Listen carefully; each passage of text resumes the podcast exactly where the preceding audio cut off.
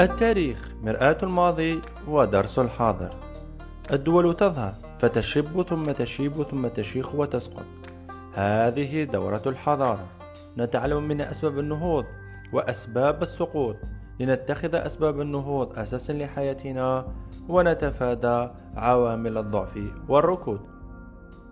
أنا بشير وهذا بودكاست. تعلم.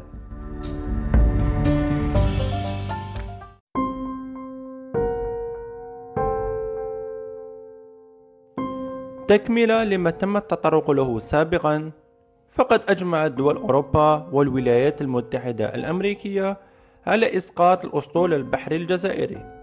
ومن ثم بطريقة غير مباشرة تدمير دولة الجزائر البحرية خاصة في مؤتمر إكس لا شابيل في فرنسا عام 1818 وعليه فقد بدأت فرنسا تحضر خطتها لاحتلال الجزائر. لكن السؤال المطروح هل فعلا أرادت فرنسا احتلال الجزائر في هذا التاريخ أم كان قبل هذا التاريخ؟ وهل للقرصنة البحرية حسب زعمهم عامل مهم لدخول فرنسا في الجزائر أم كان لها أسباب أخرى لم تكشفها لجيرانها الأوروبيين في مؤتمر إكس لا شابيل كل هذا وأكثر سنفصل فيه في حلقة اليوم والموسومة بعنوان الاحتلال الفرنسي لدولة الجزائر البحرية لم تكن سنة 1830 إلا ثمرة مجهود خطط فرنسية سخرت لها طاقات كبيرة كي تنعم بأرض الجزائر الثرية. إذ ليس الهدف الفرنسي من غزو احتلال الجزائر تأديب الداي ولا منع القرصنة الجزائرية كما ادعت أوروبا في مؤتمر إكس لا شابيل بل تعدته لأبعد من ذلك. وقد راح بعض المؤرخين يرجعون أن فرنسا كانت تخطط للظفر بالجزائر والقضاء على الدين الإسلامي فيها منذ عهد لويس القديس أي لويس التاسع ملك فرنسا ما بين 1226 1270 حينما قال أن المسلمين لا يمكن الفوز عليهم عسكريا لأنهم أقوياء في تلك الفترة. وإنما بإغرائهم وضرب أخلاقهم والعبث بنسائهم. إلا أن الثابت أن فرنسا بدأت تخطط فعليا لاحتلال الجزائر دولة الجزائر البحرية أي منذ القرن الثامن عشر أي خلال الثورة الفرنسية. وقد دعم الفكرة إمبراطور فرنسا الأول نابليون بونابرت. الذي حكم فرنسا ما بين 1804 1814 فقد قاموا بوضع مشاريع لاحتلال الجزائر من خلال إرسال جواسيس على أنهم باحثون أو قناصلة فرنسيون. ومن هذه المشاريع نذكر مشروع دي بواتونفيل 1801 1808 مخطط تيدينا 1802 مشروع بيطان 1808 وهذا الأخير هو المشروع الأكثر قبولا في أواسط رجال الحرب الفرنسيين وأكثر صميمية لاحتلال الجزائر. وهو من قال بوجوب خداع الجزائريين والتوجه لسيدي فرج لأنها ثغرة عند أغوات الجزائر أي رجال الحرب الجزائريين. وبعد كل ما تم التطرق له سابقا ما هي أسباب فرنسا الحقيقية لاحتلال الجزائر والتخطيط المحكم؟ رغم أن الجزائر ساعدتهم في كثير من أوقاتهم العاصبة من أسباب الغير مباشرة أو الحقيقية لاحتلال فرنسا الجزائر نجما لدينا أسباب اقتصادية. والمتمثلة في رغبة فرنسا السيطرة على أموال خزينة الدولة الجزائرية كذلك استغلال خيرات البلاد خاصة القمح. القمح منذ التاريخ القديم إلى زماننا الحالي فإن الجزائر أرض الجزائر وأرض شمال إفريقيا عموما تشتهر بأجود أنواع القمح. أيضا هناك سبب آخر وهي نية فرنسا عدم تسديد ديونها الخارجية والمقدرة ب 24 مليون فرنك فرنسي.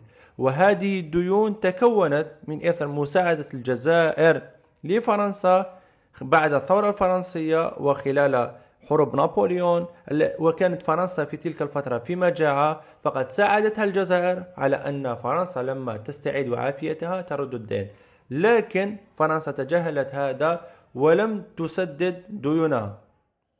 لدينا أيضا أسباب أخرى وهي أسباب اجتماعية مثل أزمة فرنسا الاجتماعية بعد حروب نابليون والحصار المفروض عليها من قبل دول أوروبا أكيد.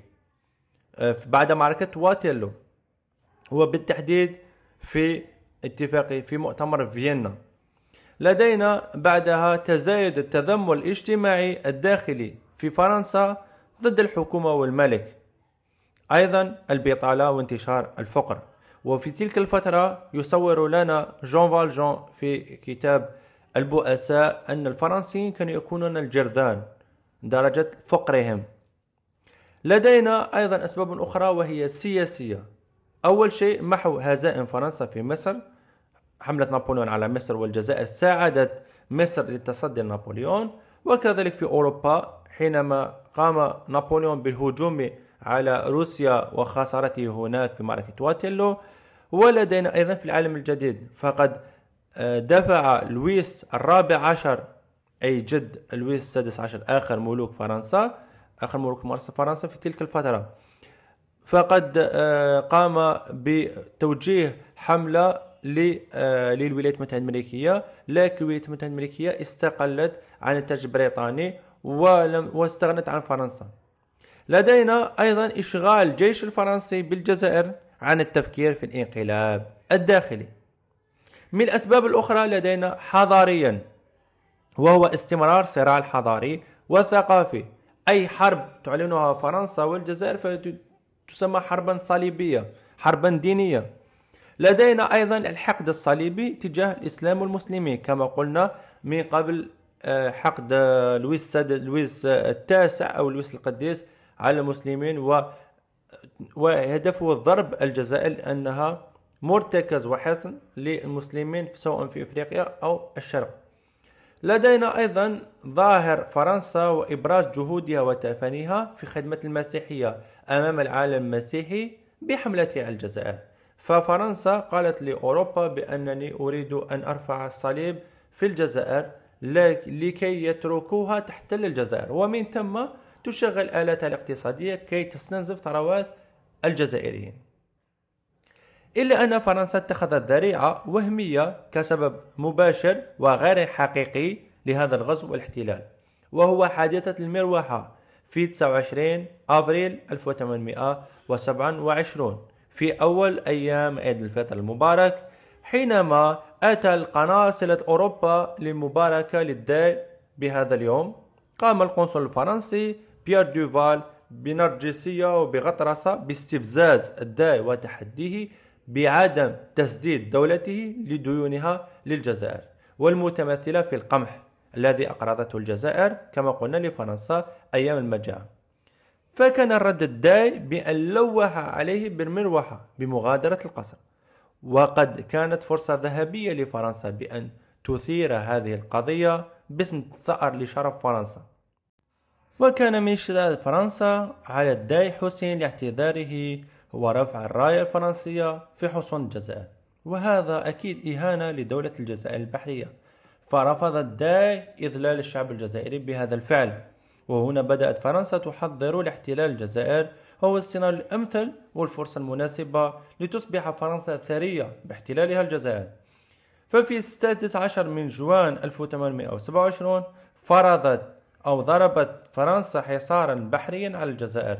وكانت هذه رح وكانت قد رحلت معظم السفن الحربية الجزائرية في بداية 1827 لنصرة العثمانيين في معركة نافارين باليونان وفي 31 جانفي من سنة 1830 الاستعداد للحملة العسكرية وعلى رأسها الكونت دي بورمون بجيش قوامه 37612 جندي و27000 بحارة تقلهم 576 سفينة. في السادس من ماي 1830 انطلقت الحملة وفي الرابع عشر من جوان 1830 نزلت سفن فرنسية في في ميناء سيدي فرج وفي منطقة سيدي فرج. وفي التاسع عشر جوان وقعت معركة سطاولي الشهيرة التي التي انهزم فيها الجيش الجزائري. ومن أسباب الهزيمة جهل وغفلة الآغا إبراهيم فاشل سياسيا واقتصاديا وعسكريا بفنون الحرب أكيد. في الخامس جويليا 1830 توقيع الداي حسين وثيقة الاستسلام بعد أن بين الأسباب الغير مباشرة والمباشرة ومن ثم مراحل فرنسا لاحتلال الجزائر الآن سنتطرق لأهداف لأهداف فرنسا من احتلال الجزائر وجلها بعيدة المدى سعت فرنسا لتجسيدها حتى تبدل تبدل العرق العرق الجزائري بالعرق الآخر أي عرق أوروبي. والدين الجزائر دين الإسلام بدين آخر أي المسيحية وممكن لا دينية. وتفسد قيم الجزائريين وأخلاقهم. ومن بين الأهداف نذكر تنصير الجزائريين ومحو شخصيتهم الوطنية. كذلك اتخاذ الجزائر كقاعدة للتوغل في عمق إفريقيا ومنافسة بريطانيا والتضييق عليها في مناطق النفوذ. كما قلنا من قبل العثمانية في زمن الدولة العثمانية فقد تنافست بريطانيا وفرنسا لحصول على امتيازات. فحصلت بريط... حصلت فرنسا على امتياز أكثر من بريطانيا. لكن في التوسع الاستعماري حصلت بريطانيا على مناطق استراتيجية بينما فرنسا لم تحصل على مناطق سوى القليل باستثناء الجزائر التي هي تمثل أكبر غنيمة بالنسبة لها. كذلك لدينا سيطرة على خيرات البلاد والتخلص من الديون. يريدون إعادة النموذج الروماني في التاريخ القديم. فقد احتلت روما بلاد نوميديا وسلبت منها خيراتها خاصة القمح وترسلهم إلى إلى روما. بينما بينما يبقى منطقة الجزائريين هنا أو الشعب النوميدي فقيرا وتعيسا. كذلك فرنسا أرادت أن تبني نفس المخطط وتستنزف ثروات الجزائريين وخيراتهم فتسخر آه، ما يسمى بالخماسين على الأراضي كي يحرثوا ويبذروا ويحصدوا الغلة من ثم توجهوا إلى فرنسا والمعمرين في الجزائر وتترك الجزائريين بلا أكل ولا شيء. كذلك نشر القيم واللغة الفرنسية. كذلك اللغة الفرنسية لديها قيم قيم فرنسا منحرفة مقارنة بالقيم المسلمة الجزائرية. لدينا أيضا مجال جغرافي لتوطين الفرنسيين. وأيضا أخيرا تحويل الجزائر إلى سوق لتصريف فائض الإنتاج الفرنسي ومصدر للمواد الأولية. هذه الأخير هي نقطة بعيدة المدى تريد فرنسا أن تصل إليها وقد وصلت إليها في وقت قريب.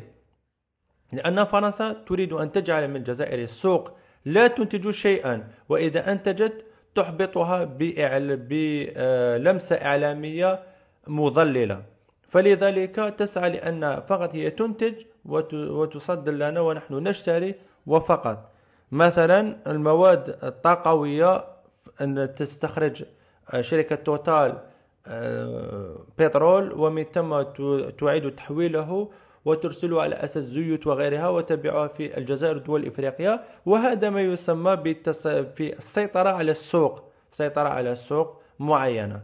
لكن السيطرة لكن الاستثمار يكون شيء والسيطرة تكون شيء آخر وأمر سلبي.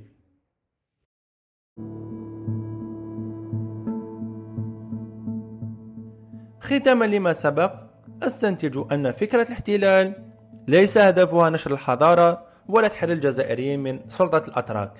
حسب زعمهم. كما قالوا عندما احتلوا احتلت فرنسا الجزائر ودخل غزت ميناء سيدي فرج آه، وزعت قصاصات مكتوب فيها جينا أدبو الدين تحكم. أي جئنا لنؤدب الدين نسترجع الثأر فرنسا. لكن الحقيقة لم تكن هكذا وإنما هدفها استنزاف ثروات الجزائريين ومحو الإسلام في الجزائر. وإنما محو الهوية الإسلامية في الجزائر واستنزاف خيراتها لتصبح فرنسا تعيش أياما سعيدة وتغلب أحوال الجزائريين إلى بؤس وتعاسة.